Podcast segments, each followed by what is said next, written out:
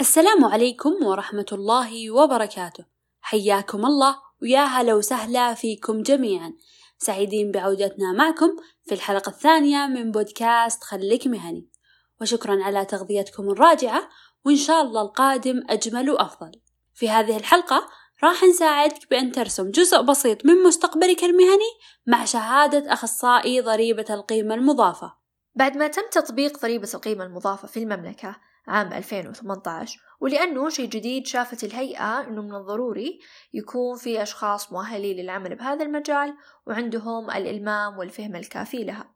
لذلك قررت الهيئة استحداث شهادة مهنية جديدة وهي شهادة أخصائي ضريبة القيمة المضافة. طبعا الشهادة عبارة عن اختبار واحد يقام ثلاث مرات خلال السنة ويتكون الاختبار من 60 سؤال اختياري ومدة الاختبار ساعتين ونسبة النجاح من 60% وحلقتنا اليوم بتكون مختلفة شوي. جمعنا فيها إجابات لعدد من الأسئلة مع أكثر من تجربة لأشخاص أخذوا الشهادة. بالبداية الشهادات المهنية كلنا نعرف إنها تأخذ مننا وقت وجهد وحتى إنه تاخذ مننا فلوس. آه في الواحد اللي بياخذ شهادة أكيد إنه ما راح ياخذها علشان أو أنا معي شهادة مهنية. آه أو يكون بس هدفه تجميع شهادات. ف... فتتوقعون وش السبب اللي يخلي الشخص آه يدرس شهادة أخصائي ضريبة القيمة المضافة؟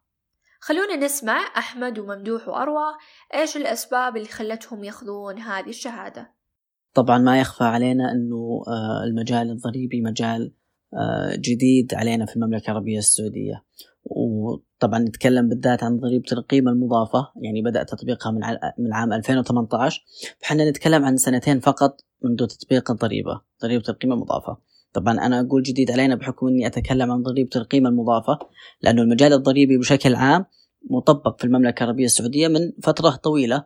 آه، مثل ضرائب الاستقطاع وضرائب الدخل فهي مطبقة من من فترة أطول.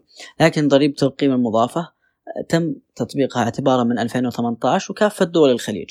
بالتالي تعد مجال خصب وفرصة بأنك تضيف لسيرتك الذاتية شهادة مهنية في هالمجال وتضيف لنفسك آه، معرفة وتضيف لنفسك قيمة مضافة لك أنت. صراحة هناك عدة أسباب دفعتني لدراسة شهادة أخصائي ضريبة القيمة المضافة. يأتي من أبرزها الجانب المعرفي.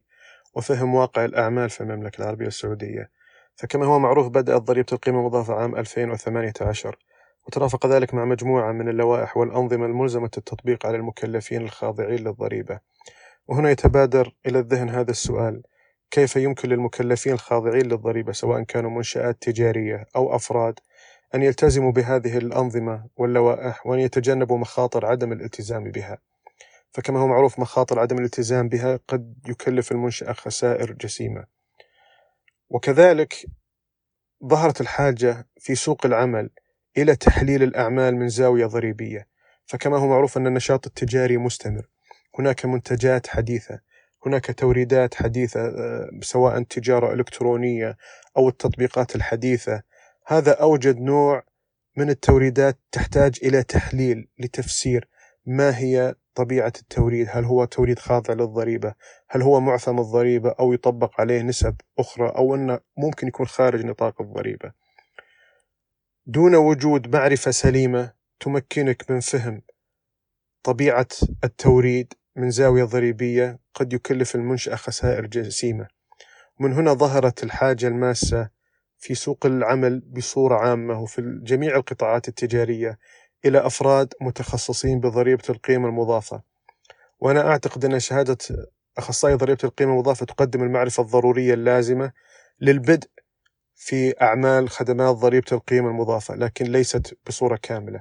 يحتاج الفرد الحاصل على هذه الشهادة إلى ممارسة سواء في قطاعات تجارية أو قطاعات حكومية تمارس نشاط تجاري بصورة جزئية أو أفراد كذلك يمارسون النشاط التجاري.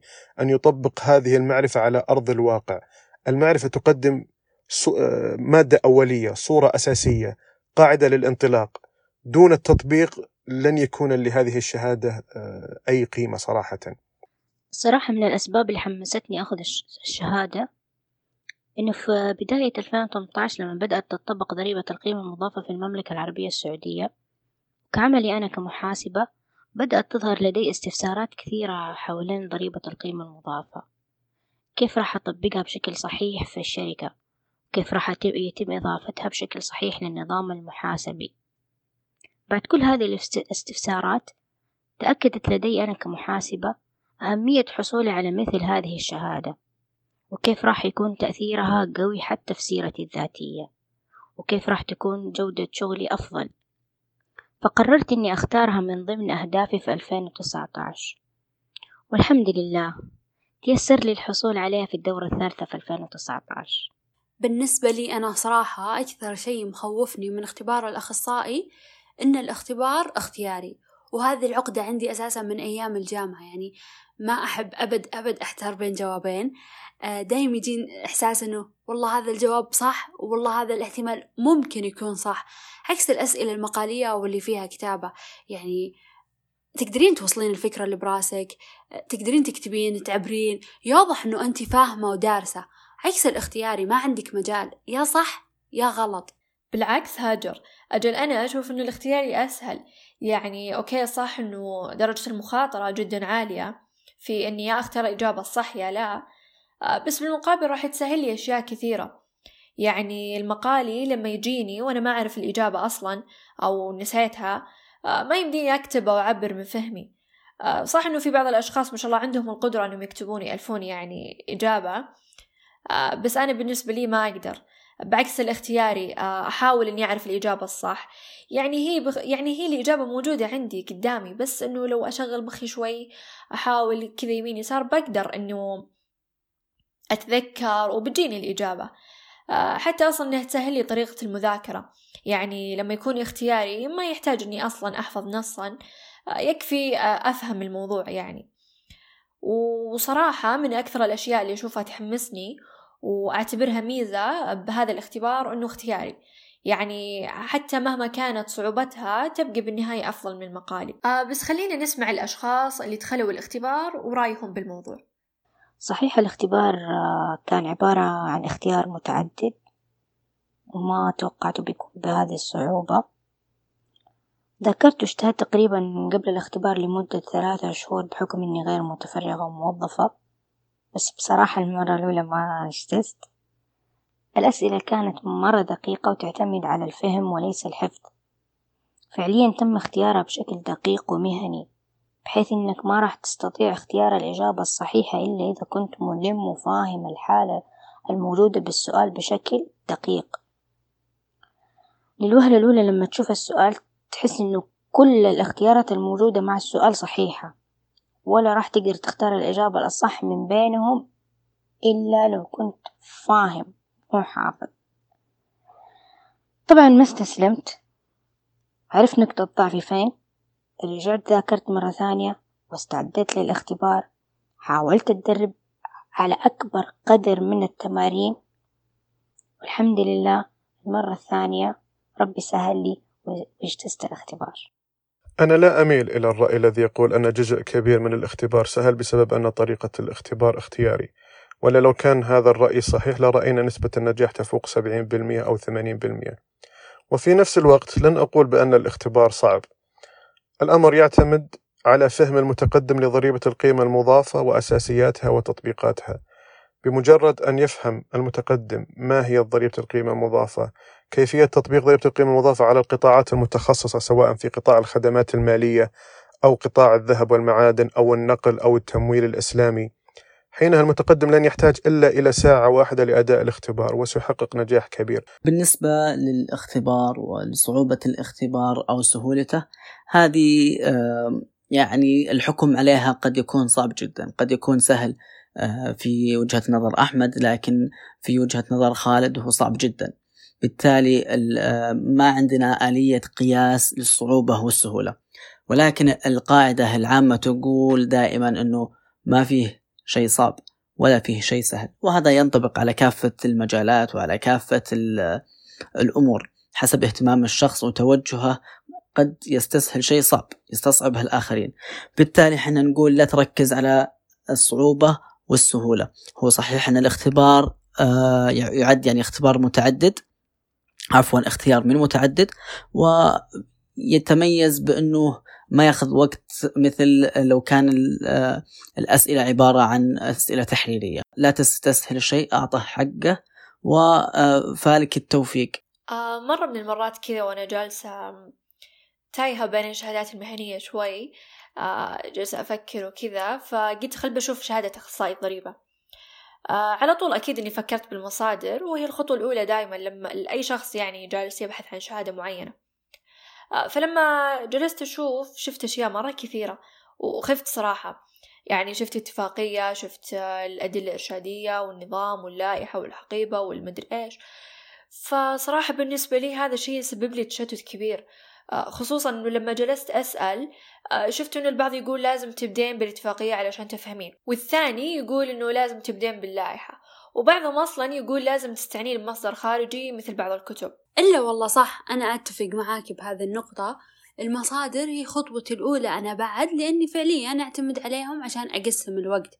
يعني بعد ما أجمع المصادر واللي أحس إنه فعلا هذا مصدر واحد هذا مصدر اثنين هذا مصدر ثلاثة. وعرفتي بعد النظرة الأولية اللي أشوف إنه والله هذا المنهج مرة كثير والله هذا مصطلحاته بسيطة والله هذا أغلب المعلومات مرت علي. يعني على هالأساس أنا أبدأ أقسم وقتي أرتبه. بس خلينا نشوف الناس اللي خلصوا وأخذوا الشهادة. كيف قدروا يقسمون وقتهم؟ إيش المصادر المهمة اللي اعتمدوا عليها بالترتيب؟ أول شيء خلونا نستعرض مع بعض وش المصادر المتاحة أمامنا أساسا. هي فعلا المصادر متعددة متشعبة فخلينا نحط أمامنا كل المصادر وبعد كذا آه نشوف الخيارات المتاحة لنا. طبعا فيه مصادر تشريعية اللي هي الاتفاقية والنظام واللائحة. هذه ما فيه آه ما لنا غنى على عنها يعني. فبالتالي آه بجانب المصادر التشريعية فيه عندنا مصادر إضافية. موجود عندنا كتب آه سواء آه كتب الدكتور خالد الفهد كتب الدكتور خالد الفقهي آه في آه أيضا عدة كتب تتكلم عن آه ضريبة القيمة المضافة والضريبة بشكل عام. عندنا حقائب آه، المراكز معينة عندنا حقيبة أيضا لمنصة إقرار راح تصدر بإذن الله خلال الفترة القادمة آه، وتكون مخصصة لاجتياز اختبار ضريبة القيمة المضافة. أيضا عندنا آه، الأدلة الإرشادية المواد التعليمية اللي تقدمها هيئة الزكاة والدخل الهيئة العامة للزكاة والدخل. بالتالي بشكل مبدئي هذه كل المصادر بجانب حقيبة هيئة المحاسبين لاجتياز اختبار ضريبة القيمة المضافة. تحتاج أنك آه، ترتب الموضوع قدامك. أنا كأحمد ومن وجهة نظري الشخصية والمتواضعة الأساس والأساس والأساس هي المصادر التشريعية للنظام أو عفوا المصادر التشريعية لضريبة القيمة المضافة. ابدأ بالاتفاقية. النظام اللائحة. لو تبدأ الاتفاقية بقراءة ومرة ومرتين إلى أن تصل إلى درجة الفهم المبدئي انتقل للنظام. راح تجد نفسك في اللائحة فاهم بشكل آه، أكبر لأنك استوعبت وش موجود في النظام واللائحة في عفوا في الاتفاقية والنظام. لأن أساسا الموجود في اللائحة هو تفصيل وتفنيد للأمور اللي وردت في الاتفاقية والنظام. بعد ما تنتهي من المصادر التشريعية أيضا يكون آه، أفضل أنك تستعين بمصدر خارجي واحد. لا تشتت نفسك وتستعين بكل المصادر.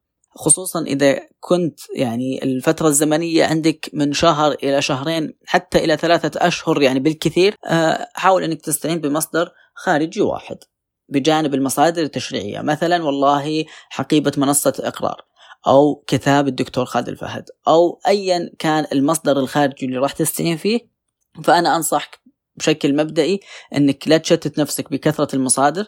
عندك المصادر التشريعية الرئيسية بجانب مصدر آه، خارجي واحد. بعضهم قد يكتفي بحقيبة الهيئة بعضهم آه، ياخذ الجزء المحاسبي من حقيبة الهيئة ويستعين بمصدر والله الأدلة الإرشادية أو يستعين بحقيبة منصة إقرار.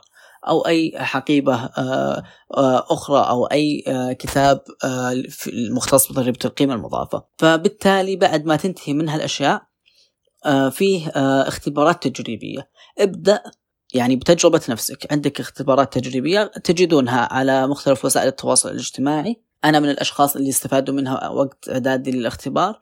كانت من إعداد آه، الأستاذة منال البحيري إذا ما خانتني الذاكرة.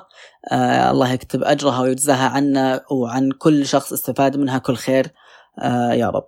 فبالتالي بعد ما تختبر نفسك وتجرب نفسك في هالاختبارات التجريبية وتجد نفسك والله تعطي نفسك ثمانية سبعة من عشرة أعرف إنك يعني بحول الله استعديت استعداد مناسب لاجتياز الاختبار. لو ما اجتزت من المرة الأولى تستطيع الاجتياز من المرة الثانية. ما فيه عيب أو فيه والله قصور منك. أي خطأ الآن تتداركه في الفرصة الثانية. عندك فرصة وفرصتين وثلاث. هذا بشكل مختصر. أنا شخصيا كتجربتي الشخصية استعنت بالمصادر التشريعية الأساسية. اتفاقية نظام لائحة وحقيبة هيئة المحاسبين فقط. بعد ما انتهيت منها بدأت بأداء الاختبارات التجريبية. هناك عدة مصادر اعتمدت عليها في دراسة ضريبة القيمة المضافة لكن يمكن حصرها في ثلاثة مصادر وكل مصدر يعتمد على الثاني ويقدم مدخل له. المصدر الأول هو كتاب الدكتور خالد الفهد ضريبة القيمة المضافة في المملكة العربية السعودية وهو في وجهة نظري كتاب قيم جدا وممتاز وإضافة جميلة جدا للمجتمع المحاسبي والضريبي في المملكة لفهم ضريبة القيمة المضافة وتطبيقاتها في المملكة. فنقطة البداية لدراسة ضريبة القيمة المضافة من كتاب الدكتور خالد الفهد. المصدر الثاني والذي أعتقد أنه لا يقدر بثمن وهو إضافة كبيرة جدا هي الأدلة الإرشادية الصادرة من هيئة الزكاة والدخل وهي جميعها متوفرة بموقع هيئة الزكاة والدخل. هيئة الزكاة عندما صدر ضريبة القيمة المضافة قامت بتفسير بعض النقاط الرئيسية في اللائحة التنفيذية وقدمت عدة تفسيرات كذلك وأدلة إرشادية للقطاعات المتخصصة مثل الخدمات المالية والذهب والنقل والمعادن والاتصالات. بمجرد ما يبدأ المتقدم بدراسة الأدلة الإرشادية فليبدأ من الدليل الإرشادي العام يأخذ صورة عامة عن ضريبة القيمة المضافة ثم يبدأ بالنقاط الرئيسية من اللائحة التنفيذية التي صدرت لها أدلة إرشادية مستقلة مثل خصم ضريبة المدخلات المجموعات الضريبية أو النشاط الاقتصادي. بمجرد ما ينتهي المتقدم من هذه الأدلة الإرشادية العامة التي تعطي صورة كبيرة جدا عن الضريبة يبدأ بالقطاعات المتخصصة يبدأ بتطبيق تطبيق أساسيات الضريبة على القطاعات نفسها مثل قطاع الاتصالات قطاع النقل قطاع الخدمات المالية أو التمويل الإسلامي. وهذه الأدلة الإرشادية حسب ما أشاهد مستمرة. تصدر يصدر عدة تحديثات لها ويتم إضافة عدة قطاعات جديدة حسب تغير واقع الأعمال في المملكة العربية السعودية. أنا أعتقد أن فهم هذه الأدلة الإرشادية والأمثلة المرافقة لها سوف يمكن المتدرب أو المتقدم للاختبار من فهم ضريبة القيمة المضافة بشكل كبير جدا ويمكنه من من النجاح كذلك في الامتحان. المصدر الثالث يعتمد على الأدلة الإرشادية، بمجرد ما يفهم المتدرب أو المتقدم الأدلة الإرشادية سوف يفهم اللائحة التنفيذية لضريبة القيمة المضافة بشكل كامل هناك بعض الزملاء الذين أختلف معهم يقولون أو يرشحون اللائحة التنفيذية كمصدر رئيسي لفهم الضريبة. وأنا أعتقد أن فهم الضريبة من خلال الأدلة الإرشادية سوف يمكنهم من فهم اللائحة التنفيذية بصورة كبيرة. فاللائحة التنفيذية سوف تكون في النتيجة الأخيرة تحصيل حاصل. بمجرد أن يقرأ المتقدم اللائحة التنفيذية بعد فهم الأدلة الإرشادية سوف يجدها منظمة بصورة سليمة وواضحة ولا تحتاج لحفظ أو تحليل. جميعها تم استيعابها من ضمن الأدلة الإرشادية. ونفس ما سمعنا أنه حقيبة الهيئة كانت من ضمن المصادر. أساسا هي فيها جزء محاسبي وجزء ثاني ضريبي. أنا مستغربة أنه الأغلب قاعد يقول لا تذكرون من الحقيبة إلا الجزء المحاسبي. طيب يعني وش السبب اللي يخلين ألجأ المصادر ثانية بالجزء الضريبي وهو أساسا موجود عندي بحقيبة الهيئة؟ فعلا الجزء الضريبي موجود في الحقيبة ولكن دائما كل ما اختلف المصدر كل ما اختلف الأسلوب في الطرح كل ما اختلف الأسلوب في توصيل المعلومة كل ما اختلفت هالأمور كانت قابلية الشيء عند الناس يعني أقل أو أكثر. فيبدو لي أن الكثير ما كان مرتاح مع طريقة عرض وأسلوب الهيئة في الطرح للجزء الضريبي. طبعا أنا أتكلم عن الإصدار السابق لأنه فيه إصدار جديد من حقيبة الاختبار من حقيبة الهيئة للأمانة ما اطلعت عليه ولكن قد يكون السبب اللي هو طريقة العرض والأسلوب فقط. آه طيب المعروف أنه الشهادة لها أهميتها بالسوق السعودي حاليا وهذا الشيء واضح لنا كلنا. بس إيش رأيكم نسمع رأي أكثر من شخص وكيف كان أثرها عليه؟ أنا لا يمكن أن أنكر أثر هذه الشهادة علي من ناحية عملي في أحد القطاعات البنكية كمتخصص في الضريبة. حيث بدأت في ضريبة القيمة المضافة ثم انتقل الأمر إلى ضريبة الاستقطاع إلى ضريبة الدخل والزكاة حتى أصبحت أدير هذا الأمر. فأنا أعتقد أن آه، ليس فقط آه، المتدرب أن حصل على شهادة أخصائي الضريبة أن يتوقف فقط من ناحية ضريبة القيمة المضافة فليتقدم فليتقدم أكبر فليكتشف الصورة الأكبر للضرائب. آه، أي منشأة حاليا لا يوجد فيها ممارس ضريبي أو متخصص ضريبي أنا أعتقد أنها ترتكب مخاطر كبيرة جدا وسوف تتعرض لمشاكل كبيرة. بالنسبة آه، لأثر الشهادة علي فكان لها أثر آه، جميل جدا. وهي أنها أتاحت لي الفرصة بالعمل في منصة إقرار هي وهي المنصة السعودية الأولى والوحيدة إلى الآن في تقديم خدمات ضريبة القيمة المضافة.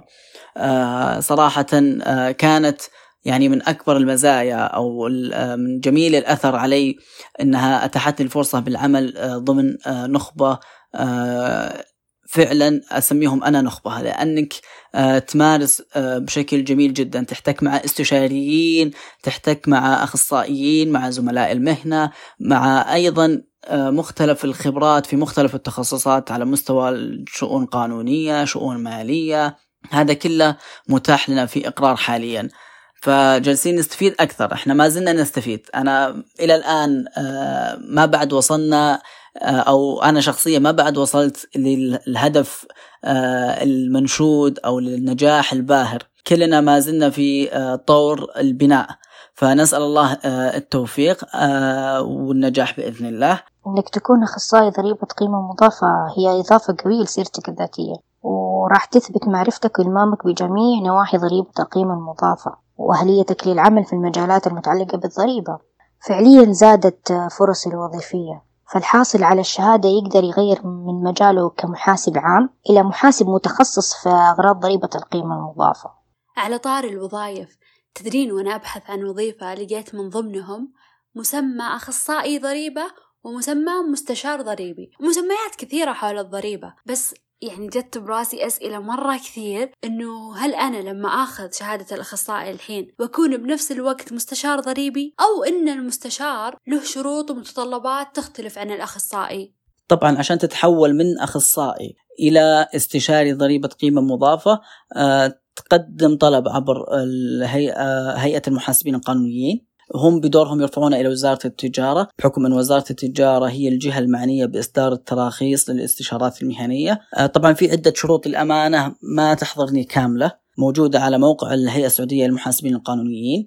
آه، أهمها أنك تكون حاصل طبعا على شهادة أخصائي ضريبة أن يكون عندك موافقة من جهة عملك. آه، عاد يعني بقية الشروط تقريبا في شرط إلى شرطين إضافية موجودة على موقع الهيئة. طبعا الترخيص أو آه، وزارة التجارة تتيح لك العمل كاستشاري ضريبي لمدة ثلاث سنوات آه، بشكل جزئي، وش معنى هالكلام؟ يعني إذا أنا كنت على رأس عمل معين سواء حكومي أو قطاع آه، خاص وجبت موافقة من جهة عملي إني أكون أفتح مكتب استشارات أو أحصل على ترخيص تقديم استشارات ضريبية. تتيح لك وزارة التجارة ثلاث سنوات إنك تكون آه، على رأس عمل آخر يعني ما تكون متفرغ بشكل كامل. لكن بعد ثلاث سنوات راح يكون آه، إلزامي إنك تكون متفرغ بشكل كامل. عموما آه هذه فرصة أيضا من وزارة التجارة أنها تتيح لك العمل مدة ثلاث سنوات بشكل جزئي. أيضا ممكن أن عندك ترخيص أو آه تحصل على استشار آه ترخيص مزاولة المهنة لكن ما عندك القدرة أنك تفتح مكتب مباشرة وإلى آخره. الآن منصة إقرار تتيح لك فتح مكتب إلكتروني. مجرد تنضم معهم يفتحوا لك مكتب إلكتروني تستقبل فيه العملاء يوفروا لك أخصائيين ضريبة، فايضا هذه من الفرص المشجعة اللي أشوفها موجودة في السوق للاستشاريين خصوصا اللي حاصلين على الترخيص مؤخرا. آه شفتي هاجر لما جلسنا نبحث آه عن الأشخاص اللي ماخذين الشهادة؟ آه، شفت بعضهم ماخذين شهادة السكبة. فجاني تساؤلات كثيرة يعني ولو إن كثرنا بهذه الحلقة كلمة تساؤلات بس صدق مرة بخاطري أعرف إجابة على هذا السؤال. يعني أوكي شهادة الأخصائي شهادة متخصصة على عكس الزمالة بأنها عامة وشاملة. أه، بس إيش الشيء اللي يخلي الشخص ياخذ بعد الزمالة ضريبة خصوصا أنه مادة الزكاة والضريبة أه، تغطي جانب ضريبة القيمة المضافة. ف... فأنا أحتاج أني أسمع إجابة من شخص أخذ الشهادتين سوا وإيش كان هدفه منهم؟ وأعرف هل السوق فعلا يفضل التخصص دائما أو لا. أه، بخصوص الجمع ما بين شهادة الزمالة وشهادة أخصائي ضريبة القيمة المضافة. أحب أحكي هذا الأمر من زاوية شخصية. أنا أثناء دراسة مادة الزكاة والضريبة وتحديدا قسم ضريبة القيمة المضافة لم أعتمد على الجزء الخاص. ضريبة القيمة المضافة في الحقيبة التدريبية الخاصة بالزمالة. أنا تركت هذا القسم بالكامل ودرست الأدلة الإرشادية في موقع هيئة الزكاة والدخل. فكانت ضريبة القيمة المضافة أمر جديد في المملكة وتأثيراتها كبيرة والشهادة كانت توها صاعدة. ففضلت أني أدرس هذا الأمر بتوسع. من خلال موقع هيئة الزكاة والدخل. فبعد أداء اختباري في بعد أداء الاختبار في مادة الزكاة والضريبة اكتشفت أني درست ضريبة القيمة المضافة بصورة كاملة. فقلت ليش ما أتخصص زيادة وأخذ الشهادة؟ لأن كل شيء مهيأ المعرفة موجودة. لا يحتاج فقط الأمر إلا الحضور لأداء الامتحان. والحمد لله يعني بعد أداء الامتحان اكتشفت لاحقا يعني بعد ثلاث شهور أني حصلت على أعلى درجة اختبار في أخصائي ضريبه القيمه المضافة وكان هذا الشيء صراحة أمر مفرح لي جدا. طيب تقريبا بما أننا وصلنا لنهاية الحلقة واختبار الدورة الثانية لهذه الشهادة ما بقي عليه شيء فودي بنصيحة أخيرة تساعد الأشخاص اللي راح يدخلون هذا الاختبار عشان ينجحون فيه أو أي نصيحة تساعد أي شخص مهتم بهذه الشهادة طبعا ما راح أوجه أي نصيحة للمقبلين على الاختبار ولكن راح أوجه نصيحة للمتخوفين من دخول الاختبار للأشخاص المترددين من دخول الاختبار للأشخاص اللي يخشون الفشل في المقام الأول. نصيحتي لهم باختصار اغتنم الوقت اغتنم الوقت. دائما وابدا من يوم إحنا صغار نكرر عبارة الوقت اللي يروح ما يرجع الوقت الذي يمضي لا يعود. الوقت الذي لا يمضي لا يعود فعلا إذا استشعرنا قيمة هالعبارة استشعرنا قيمة الوقت. خليني أدخل الاختبار القادم واللي بعده واللي يليه وأجتاز في المرة الرابعة. في الأول والأخير وصلت للهدف اللي أسعى للحصول عليه. لكن لو جلست متخوف ومتردد الاختبار الأول والثاني والثالث والرابع والعاشر وأنا ما زلت في مكاني ما استفدت. بالعكس بل خسران خسرت آه الخوض التجربة مجرد أنك تخوض تجربة هذا مكسب سواء اجتزت أو ما اجتزت. فبالتالي نتذكر دائما العبارة اللي تقول من سار على الدرب وصل وأنا هنا ما أصور لكم أن الطريق مفروش بالورود وإيجابية فوق المعتاد لا أبدا. أنا أقول لك ابدأ بالمسير وخذ بعين الاعتبار المصاعب اللي راح توجهها تواجهها على طول الطريق. وبإذن الله أنك ستصل في نهاية المطاف للهدف المنشود وللمقصد آه النهائي. بحول الله وقوته وتوفيقه. آه ختاما أنا أجدد شكري لثلاثية المحاسبة على دعوتهم. أتمنى أني قدمت ولو جزء يسير من آه المتوقع والمأمول مني. النصيحة الأساسية التي أستطيع توجيهها للمتقدمين للاختبار أو المهتمين بشهادة أخصائي ضريبة القيمة المضافة أن يبقوا على اطلاع دائم ومستمر على الأدلة الإرشادية الصادرة حديثا من هيئة الزكاة والدخل أو التفسيرات أو اللوائح الجديدة أو التحديثات على اللائحة التنفيذية لضريبة القيمة المضافة. فكما هو مشاهد قبل شهرين حدث تغير من تغير نسبة ضريبة القيمة المضافة من 5 إلى 15% فمن عاصر تجربة المرحلة الانتقالية الأولى قبل عام 2018 والآن التجربة الحديثة سوف يفهم طبيعة التغيرات سوف يستطيع أن يحلل مسبقا. ماذا سوف تقرر هيئة الزكاة؟ كيف ستكون تطبيقات تغير نسبة ضريبة القيمة المضافة وكيف تكون المرحلة الانتقالية؟ وكذلك كما هو مشاهد تغير ضريبة العقار من خاضع للضريبة إلى خدمة تسجيل الأفراد إلى حاليا الضريبة الجديدة التي هي ضريبة التصرفات العقارية. هذه التغيرات تحتاج إلى تحديث البيانات والمعلومات للمتقدم للشهادة بشكل مستمر. أنا أعتقد بمجرد ما يقوم الممارس أو المهتم بهذه الشهادة بالاطلاع على هذه التحديثات سوف يستطيع أن يفهم أو يستطيع أن يتصور ما, ما سوف تكون الخطوة القادمة من هيئة الزكاة والدخل في حالة تغير أحد الأنظمة أو اللوائح يستطيع أن يمتلك الملكة النقدية التي تمكنه من تحليل أو طبيعة التوريدات أو كيف ستكون طبيعة الأعمال. الاهتمام الدائم والمستمر بالحصول على المعلومات الجديدة بحكم أن التغيرات متسارعة سوف يمكنك من, تق... من امتلاك معرفة لا تقدر بثمن وبالتالي أي منشأة تجارية سوف تبحث بلا شك عن شخص يستطيع أن يقدم تحليلات وتفسيرات وأن يمتلك هذه المعرفة النقدية التي تمكنه من تقديم المعلومات الصحيحة واللازمة للمنشأة التجارية لاتخاذ القرارات السليمة. التوكل على الله أولا واحتساب الأجر في طلب العلم. المذاكرة بفهم للحالات الضريبية والاستعداد للاختبار أهم شيء بشكل جيد. تحاولون تحلون أكبر قدر ممكن من التمارين وسواء اجتزتوا الاختبار من المرة الأولى أو لا. لا تستسلموا. أبدا عن تحقيق أهدافكم. ولا تنسون الشهادات المهنية إضافة قوية لمسيرتكم العلمية سواء شهادة أخصائي ضريبة قيمة مضافة أو الشهادات المهنية الأخرى. راح تزيد من ثقتكم بجودة مخرجاتكم في العمل وأداء مهامكم بشكل احترافي. في الختام فعليا سعدت بتواجدي معكم اليوم وأتمنى أني كنت ضيفة خفيفة عليكم وقدمت لكم صورة واضحة عن شهادة أخصائي ضريبة قيمة مضافة. وفي النهاية حابة أشكر كل الأشخاص اللي شاركوا معنا في هذه الحلقة وأقول لهم الله يعطيكم العافية جميعا وعسى الله ينفع فيكم وبعلمكم ونشوفكم دائما من نجاح لنجاح أكبر. وشكرا لكم أنتم أيضا على استماعكم لنا. خلونا نذكر أنفسنا بأهدافنا باستمرار. فحضورها الدائم يرتبط كثيرا بالتزامنا الدائم وهذا أكثر ما نحتاج. فكلما زادت جودة أدائك واستعدادك كلما زادت فرصتك بالنجاح. والالتزام فيها في الحقيقة هو أصعب جزئية مطلوبة للنجاح. كل التوفيق لكم ونشوفكم على خير في الحلقة الجاية.